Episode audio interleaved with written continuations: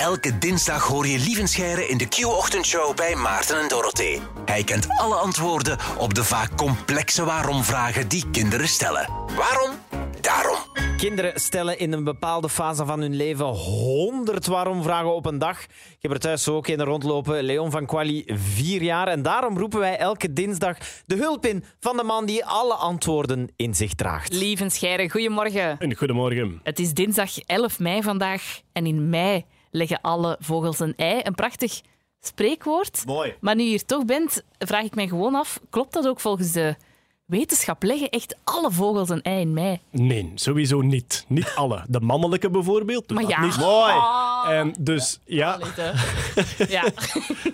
eh, nee, maar ja, vogels leggen hun eitje in de lente natuurlijk, hè, omdat er dan veel voedsel is en zo. En ja, in mei zal er wel een eierenpiek zijn. maar er zijn ook vogels die vroeger een eitje leggen of later een eitje Ah, ja. leggen. Er zijn zelfs vogels die twee keer per jaar een eitje leggen. Dus die twee eh, nestbeurten hebben. Maar bon, je weet, ik ben een insectenman. Hè, dus Ja, ja. Ja, ja. vogels zijn veel te groot. Het enige boeiende aan vogels is dat hun nesten vol met insecten zitten. Eh, vol met luizen en, en, en dat soort dingen.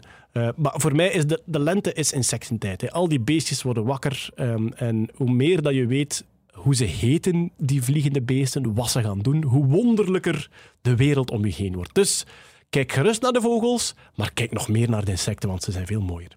Je bent hier om een antwoord te geven op deze vraag. Waarom dromen we? Aha, Ja. waarom dromen wij? Het is iets waar de mensheid al heel lang over nadenkt. En wat betekenen ze?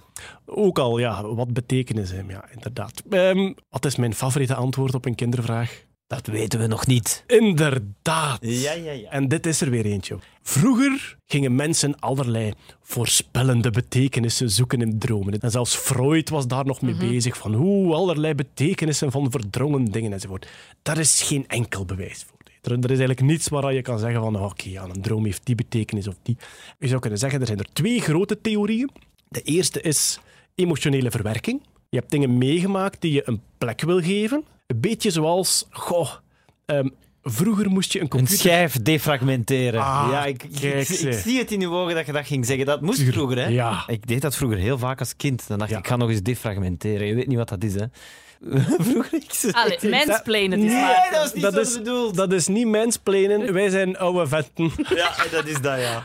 Oh, maar jullie zijn zo schattig samen. Maar ik kan u verzekeren dat een groot deel van de luisteraars nu denkt: hé? Ja, vroeger een harde schijf, die programma's werden erop gezet en op de duur was dat zodanig verwarmd dat worden dat een stuk van uw bestand links van de schijf staat, een stuk rechts. Ah, zijn dat zo al die staafjes naast elkaar en dan moet je die samen duwen? Ja, en Dan zie je wel dat ik het ken, Maarten. En dan, dan was er een computerprogramma en dat zocht echt van: oh, als ik die bestanden nu samenzet, dan kan ik vlotter werken. Ja. Ja. Maar dat dus Beter. bij dromen ook. Ja, dus dat is een theorie dat we eigenlijk aan emotionele schijfdefragmentatie doen. Ja, ja. Dat soort dingen moeten altijd getest worden. Hè. Alweer een beetje denken als een wetenschapper. Bijvoorbeeld, er bestaan slaapschema's. Mensen proberen met heel weinig slaap toe te komen.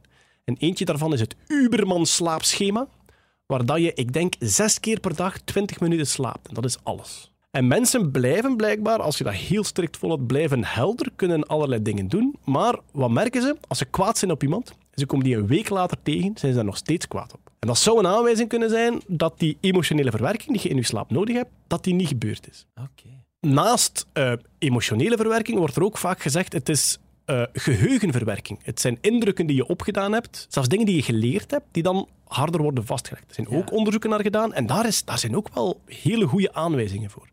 Als je een nieuw stuk leert spelen op de piano, kan je dat eigenlijk best kort voor het slapen gaan nog één keer oefenen, omdat je dat dan in je slaap eigenlijk beter vastlegt. Ik heb ook ooit als student eens een nachtje doorgeblokt. Heel slecht idee. Je hebt alles gelezen en gezien, maar het is niet in uw slaap vastgelegd in uw hoofd. Dus dat zijn de theorieën. hè. We dromen om emotionele verwerking te doen. We dromen om onze herinneringen vast te leggen.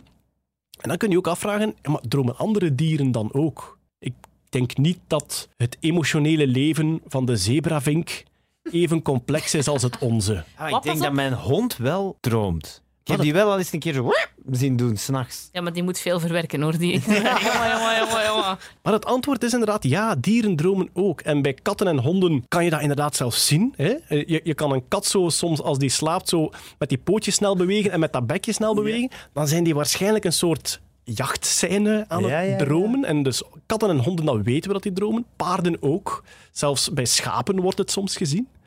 En de zebravink droomt ook. Hoe hebben ze dat gemeten? Ehm, we kunnen van zebravinken de gedachten lezen. Oh. Als je een zebravink een ehm, soort hersenscannertje opzet hè, en die fluit een liedje, dan kan je uit die hersengolven zien welk liedje die aan het fluiten is. Dus de hersengolven tonen gewoon welke noot een zebravink aan het zingen is. En wat blijkt? In hun slaap dromen die hun liedjes. Dus ze hebben zebravinkjes met die hersenscanners op laten slapen en die dromen hun liedjes opnieuw. Wauw. En de reden is waarschijnlijk dat ehm, eh, veel vogels worden niet geboren met hun liedje, maar leren dat. Er zijn zelfs dialecten in vogelzang. Ja. Ah, ja, ja, ja. Ja, de echte ja. zangvogels die hebben verschillende dialecten. En als je dus een zangvogeltje ontvoert uit Duitsland en dan naar Vlaanderen voert, dan heeft hij een ander accent. En een paar jaar later heeft hij zijn accent aangepast aan de omgeving. Dus ze, ze leren wel Vlaams, de Ja, ja, zangvogeltjes. Ja. Maar dus die zebravink moest zijn liedje eigenlijk leren. En wat blijkt dus uit hersenonderzoek? Tijdens hun slaap herhalen ze dat. Ze, ze zingen eigenlijk hun dingetje na. Ja. Heeft iemand van jullie ooit een lucide droom gehad trouwens? Wat is dat nu weer? Dat je zo kan kiezen, zeker, hè? Ja, dat je heel bewust aan het dromen bent. Hè? Lucide dromen is tijdens je droom opeens beseffen, ik ben aan het dromen. Ja. En dan het moeilijkste, dan niet wakker worden. Ja, maar dat kan heel je moeilijk. trainen ook, hè? Ja, dat, dat is echt dat is een soort internetrage. Heel veel nerds en geeks zijn daarmee bezig om te proberen om lucide te dromen. Er worden allerlei trucjes verzonnen. Er bestaan brillen en als die remslaap detecteren, dan flitsen die rood in je ogen. En de bedoeling is dat je dan in je droom iets rood ziet flitsen en dan beseft ik ben aan het dromen. En bij een vriendin van mij is dat gelukt. Echt? Die, die stond in de supermarkt en opeens begon heel die supermarkt rood te flitsen. Nee. En die besefte op dat moment, ah, dat is waar, ik heb zo'n droombril, ik ben aan het dromen. En ik vroeg van, wat heb je toen gedaan? Hij zei van, ja, ik was aan het dromen. Ik ga dan toch geen inkopen doen? Ik ben naar het strand gegaan. Nee. Dat is zo heel Inception is het toch, Ja, hè? ja, Die ja. film met Leonardo ja. DiCaprio, dat is zo... Wauw. Ik heb het zelf een paar keer gehad, maar ik word heel snel wakker. Vanaf dat ik besef dat ik droom, word ik snel wakker. Ik heb één heel mooi momentje gehad. Ehm, deze zomer is één van onze katten overleden. Het gaat Ja. nu eenmaal zo, huisdieren gaan dood, dat is altijd jammer. Eh, dat was Turke. Een paar maanden daarna ben ik aan het dromen, maar dat weet ik op dat moment nog niet. En ik doe de deur open en Turke wandelt binnen. En ik denk bij mijn eigen, dat kan toch niet? Je zit toch dood?